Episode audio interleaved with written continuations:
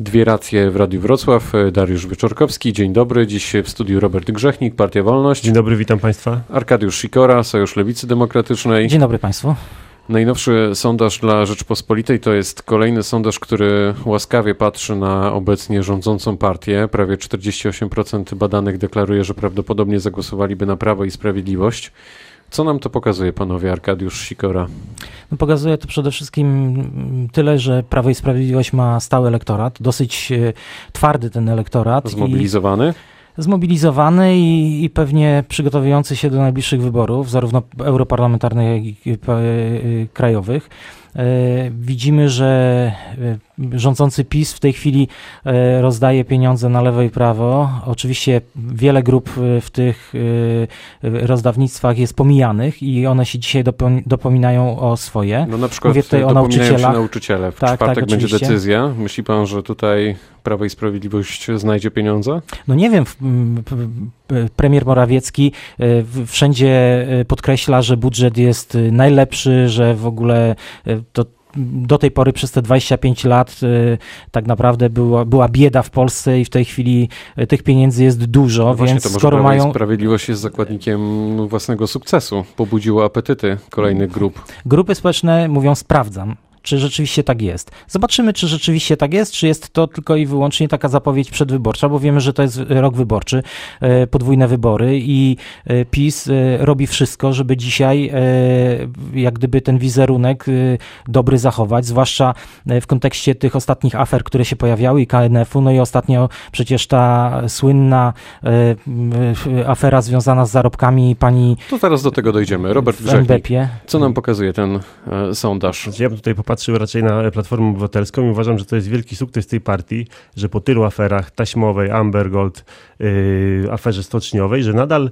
yy, ta partia ma 20, chyba 6% poparcia. Nawet prawie 28, tak, tak, to tak. zależy. Jest to, jest to olbrzymie dla mnie poparcie. Nie wiem, dlaczego yy, Polacy nie widzą tego, jak, jaka to jest reprezentacja tak naprawdę narodu i że powinniśmy już dawno pożegnać tą formację. I to jest, to jest dla mnie yy, po prostu aż, aż niewiarygodne. Jeżeli chodzi o Prawo i Sprawiedliwość, to rzeczywiście ja bym nie powiedział, że oni są ofiarą własnego sukcesu, sukcesu, ale raczej ofiarą y, własnych obietnic i, i tego, co mówią, bo y, gospodarka rozwijała się dobrze dzięki dobrej koniunkturze w ostatnich latach, to trzeba przyznać, ale, ale mogłaby się rozwijać dużo, dużo lepiej, gdyby nie te programy socjalne, które zostały wdrożone, a które tak naprawdę są programami politycznymi, bo chodzi o to, żeby właśnie utrzymać władzę i one po to były stworzone. No i dzisiaj troszeczkę się odbijają szkawką, bo rzeczywiście coraz więcej grup społecznych chce więcej pieniędzy, no bo y, z tymi programami pod, poszły także podwyżki i wielu ludzi patrzy do swojego portfela, mimo że zarabia tyle samo co kilka lat temu, to już nie może tyle samo kupić.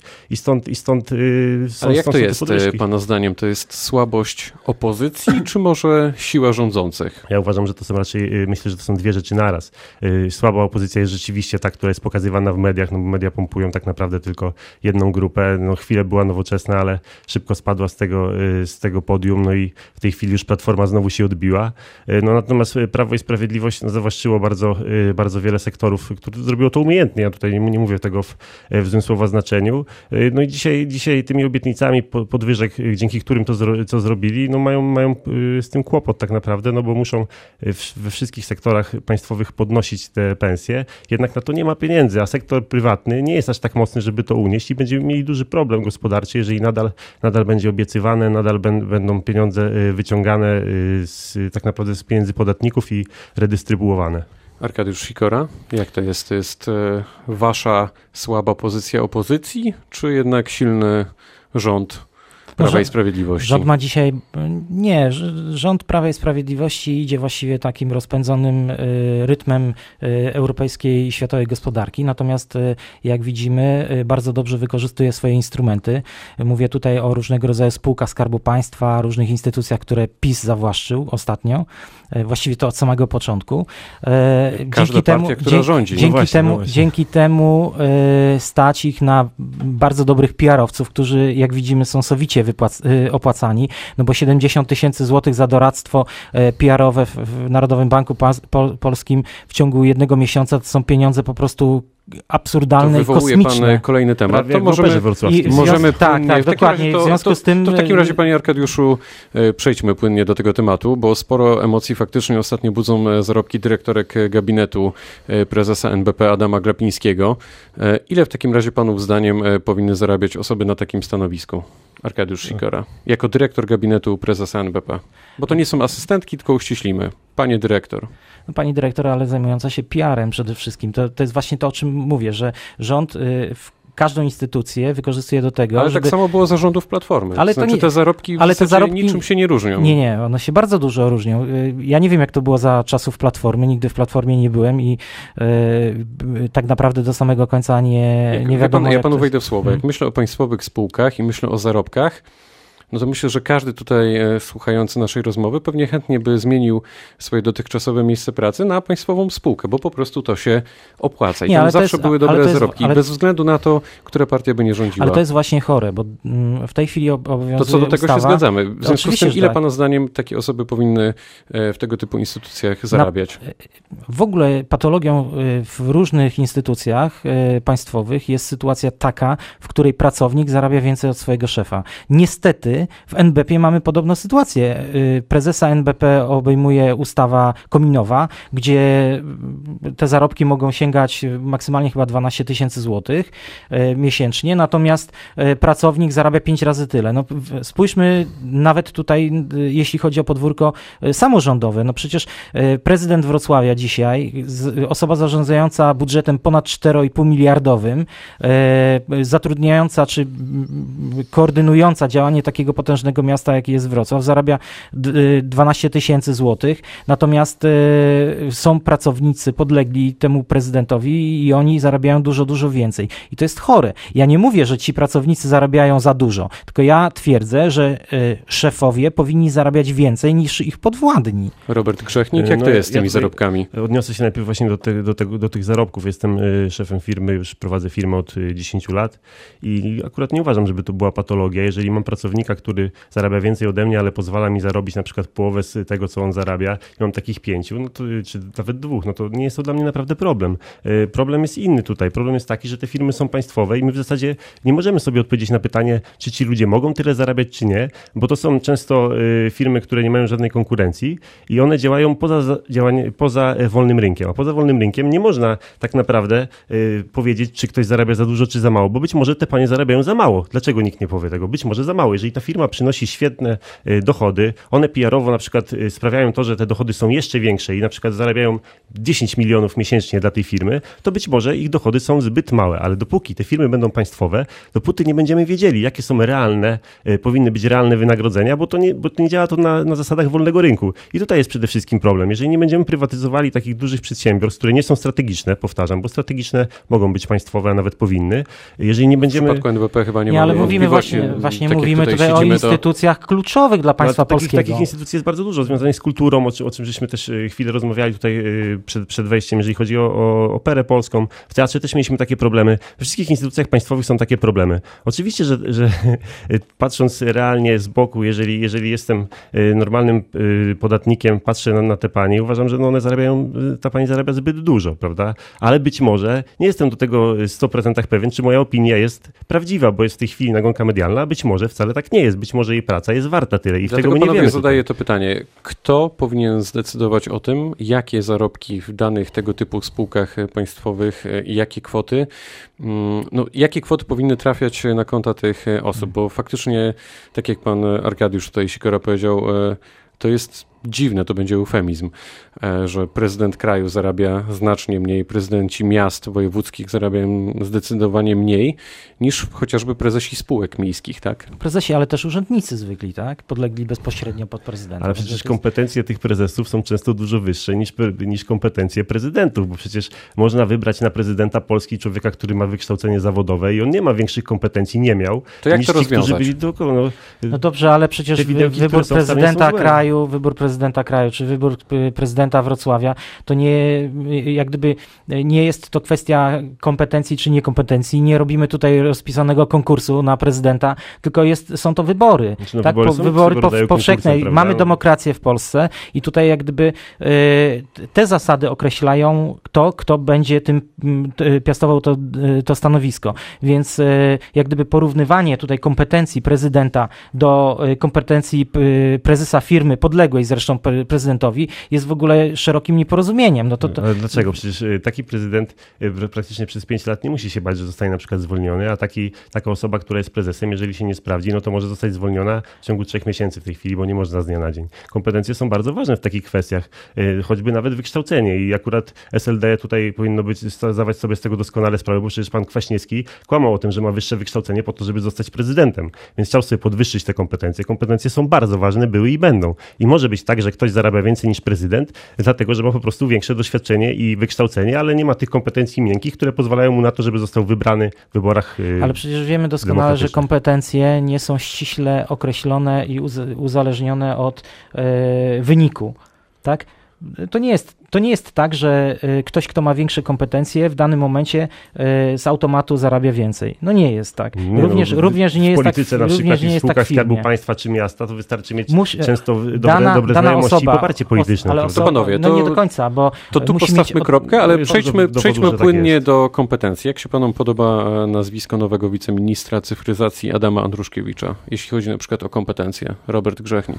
No jeżeli chodzi o kompetencje, no to wykształcenie wyższe wydaje mi się, że nie jest wystarczające wystarczającą kompetencją e, na to, żeby, żeby e, pełnić taką funkcję samo w sobie, prawda? Powinno być jeszcze doświadczenie za tym iść. Z tego co wiem, to pan Andruszkiewicz nie ma tego doświadczenia. No i tutaj jednak bym się zastanawiał nad tym, e, jakbym był na miejscu pana Morawieckiego, czy tego człowieka na to stanowisko dać, właśnie z tego względu, że, że nie ma doświadczenia. No, dzisiaj jeszcze za, za wcześnie, żeby oceniać, jakie będą wyniki jego pracy, no ale z tego, co, co widać, przynajmniej co przeczytałem na temat jego, jego wcześniejszych, wcześniejszej pracy, no to myślę, że, że jest to y, dane mocno y, nad wyrost. Arkadiusz Sikora? No z tego, co przeczytałem i informacji ogólnie dostępnych wynika, że te kompetencje są na pewno niewystarczające, tylko y, Prawo i Sprawiedliwość od samego początku twierdziło, czy mówiło, że pan Andruszkiewicz został powołany nie ze względu na kompetencje, tylko ze względu politycznych. Czyli że kalkulacja. Kalkulacja polityczna i moim zdaniem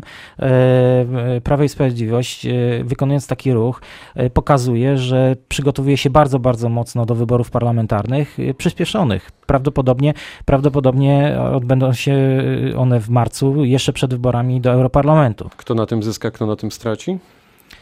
Y, na pewno, y, jeśli chodzi o samo zaskoczenie, to będzie to duże zaskoczenie dla opozycji, która jest w tej chwili jeszcze nie do końca sformułowana. E, Prawo i Sprawiedliwość ma wiele instrumentów. No właśnie, wyobraźmy sobie taki scenariusz, że te wybory na przykład miałyby się odbyć w marcu. Czy SLD jest gotowe? Albo szeroko pojęta lewica w tej e, chwili? Tak, my oczywiście pracujemy nad tym i jesteśmy przygotowani do wcześniejszych wyborów. E, pytanie jest jednak, to, jak gdyby powinno być troszkę inne, mianowicie czy ta, ten szeroki blok, blok demokratycznej opozycji jest w stanie e, skutecznie odsunąć PiS od władzy e, i w jakiej formie. Jeśli nastąpi to, e, jeśli te wybory miałyby spowodować powstanie szerokiego, dużego bloku, bo wiemy, że ten blok, taki wspólny blok jednolity miałby szansę na odsunięcie PiS od władzy, no to ten czas jest bardzo jak gdyby krótki, niekorzystny dla szerokiej opozycji. I tutaj wydaje mi się, że PiS węszy swoją szansę na zaskoczenie tej e, opozycji e, parlamentarnej, ale także pozaparlamentarnej. Robert Grzechnik, jak to będzie z tymi ewentualnymi wyborami w marcu, gdyby do nich doszło? Pozwoli pan, że wrócę dwoma zdaniami do pana Andruszkiewicza. To, jednym, to będzie, jednym zdaniem. będzie właśnie miał, nawiązywało do tych wyborów, bo to też chodzi o to, że yy, na prawo odpis coś wyrasta i po prostu pan Andruszkiewicz jest jakby wzięty do rządu po to, żeby troszeczkę stłumić, stłumić to, że Ruch Narodowy z Partią Wolność w tej chwili z skutecznymi pana Leroya yy, złączyły szeregi. Jeżeli chodzi zaś o wybory tutaj y, na wiosnę, to nie wierzę, żeby było tak, że, że nagle będą parlamentarne wcześniejsze. Takie spekulacje też były przed wyborami do y, samorządowymi. Pamiętam, y, jak się skończyło, wszyscy wiemy, były terminowe. Uważam, że tutaj też będzie terminowo, że PiS sobie da więcej czasu na to, żeby zrobić te podwyżki właśnie, żeby wprowadzić być może jakieś nowe programy socjalne, że, że będzie grało w tą stronę. Natomiast przy tej słabości opozycji to ja nie widzę w ogóle sensu. Przecież oni mają większość dzisiaj. Dlaczego mieliby z tego zrezygnować i ryzykując, że pół roku będą bez tej większości, na przykład może się zdarzyć, że wygrają, ale już nie będą mieli. To jest w ogóle nielogiczne dla mnie i myślę, że to jest tylko i wyłącznie wywoływany temat raczej przez Platformę i Nowoczesną. Nie, to ja panu powiem, że argumentów jest bardzo dużo. Po pierwsze, argument y, za przyspieszonymi wyborami jest taki, że będzie to zaskoczenie dla opozycji. Kolejny argument jest taki, że brakuje pieniędzy w budżecie. To, że dzisiaj PiS y, właściwie podwyższył, a właściwie nie podwyższył cen energii, świadczy o tym, że tych pieniędzy już brakuje. Y, za chwilę wyjdą ze swoimi żądaniami kolejne grupy zawodowe, które jak gdyby oczekują spełnienia obietnic przedwyborczych PiSu. Na dzień dzisiejszy tych pieniędzy nie ma. Kolejna sprawa, która jak gdyby gra na korzyść wcześniejszych wyborów dla PiSu, to są te afery, które co chwilę się pojawiają kolejne, kolejne, kolejne.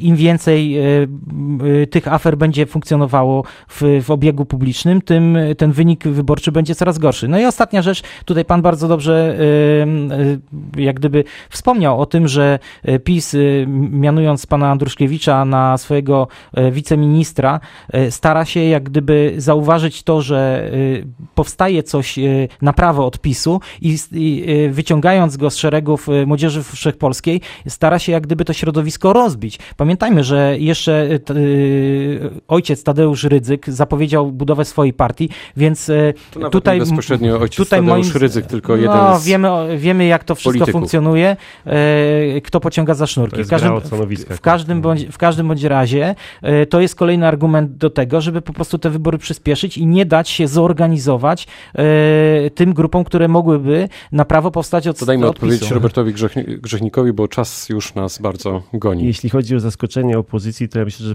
opozycja jest zaskoczona od czterech lat, jak tak oglądam, co się dzieje w parlamencie, więc tutaj nic się nie zmieni według mnie. Jeżeli zaś chodzi o te pieniądze, no to pieniądze jednak y, są, skoro, skoro te y, podwy obniżki podwyżek zostały przegłosowane, więc, więc jak nie, a jeżeli nie, to po prostu zabierze się kolejny kredyt. Tak działały wcześniejsze rządy, nikt się tym nie przejmuje, ludzie sobie nie zdają sprawy, z jakich, jak to jest kilka miliardów, czy kilkadziesiąt, czy kilkaset, jak duże to są pieniądze, więc Nie, ale bez ja rozumiem, problemu, że prawica tak podchodzi problemu. do sprawy. Nie, my podchodzimy całkiem inaczej. Proszę zobaczyć na głosowania, na przykład moje budżetowe we Wrocławiu, ale, ale tak, tak wygląda po prostu demokracja i z tego sobie Panowie, trzeba zdać to sprawę. jednym zdaniem zahaczymy o Wrocław dzisiaj, bo za nami prawie 50 dni rządów Jacka Sutryka. Mm, poproszę dosłownie o jedno zdanie. Jaki to bilans? Może jest jeszcze w ogóle za wcześnie na bilans tej prezydentury Arkadiusz pan, Sikora. Pan Dobry start? Pan prezydent Jacek Sutryk przedstawił 100 swoich założeń, które na będzie dni. Jesteśmy realizował na w ciągu półmetku. 100 dni. Poczekajmy chwileczkę, dajmy mu szansę. Widzimy, że podejmuje decyzję, że stał się niezależnym prezydentem, wbrew temu, o czym mówiono przed wyborami, że to będzie jak gdyby y, osoba sterowana przez Rafała Dudkiewicza. Dzisiaj zmiany personalne w urzędzie pokazują, że prezydent Sutryk wybija się na samodzielność, podejmuje decyzję i dajmy mu szansę 100 dni, a później kolejne. Robert Właśnie nie mamy dużo czasu, ja tylko powiem na temat tego, że to jest polityka kontynuacji, jak wyglądały zmiany personalne. Wiceprezydent został dyrektorem y, zarządzania... Centrum Zarządzania Kryzysowego, jeśli mówimy o tak. Wojciechu Adamskim. Jedna tak, osoba. nowy, y, nowy, wice, nowym wiceprezydentem został wcześniejszy wiceprezes Stadionu Wrocław. Y, prezesem Stadionu Wrocław został wcześniejszy prezes Śląska Wrocław, a do Śląska Wrocław przyszedł prezes, który 4 lata temu był prezesem Śląska Wrocław. I to jest, możemy podsumować tak naprawdę pierwsze 50 dni. I tu na razie stawiamy kropkę. To były dwie racje w Radiu Wrocław. Robert Grzechnik, Partia Wolność. Dziękuję pięknie. Arkadiusz Sikora, Sojusz Lewicy Demokratycznej. Dziękuję Państwu. Pytał Dariusz Wyczorkowski. Dobrego popołudnia.